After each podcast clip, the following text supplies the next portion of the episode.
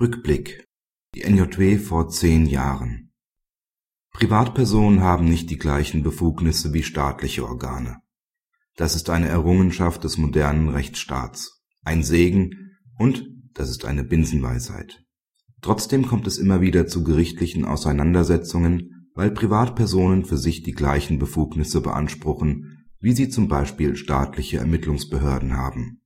So ist es im Strafprozess zulässig auf die Ergebnisse einer GPS-Observation, also einer Standortbestimmung über Satellitennavigation, zurückzugreifen. Das entschied das OLG Düsseldorf mit Beschluss vom 12.12.1997 zum Aktenzeichen VI, 1 aus 97, dessen Leitsätze wir in Heft 48 der NJW vom 25.11.1998 auf Seite 3579 abgedruckt haben.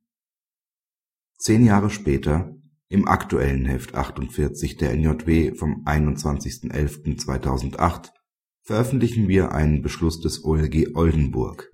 Es entschied, dass keine Kostenerstattung für die GPS-Observierung durch einen Privatdetektiv im Rahmen des Zivilprozesses stattfindet. Das Gericht stellte fest dass die GPS-Observierung das Grundrecht auf informationelle Selbstbestimmung verletzt, etwas, wofür der Überwachte dann nicht auch noch bezahlen müsse. Und was erwartet uns noch? Gerade hat der Bundestag das hoch umstrittene BKA-Gesetz beschlossen. Es bietet die Rechtsgrundlage für staatliche Online-Durchsuchungen. Werden sich die Zivilgerichte in zehn Jahren mit Online-Durchsuchungen durch Private beschäftigen müssen? Bitte nicht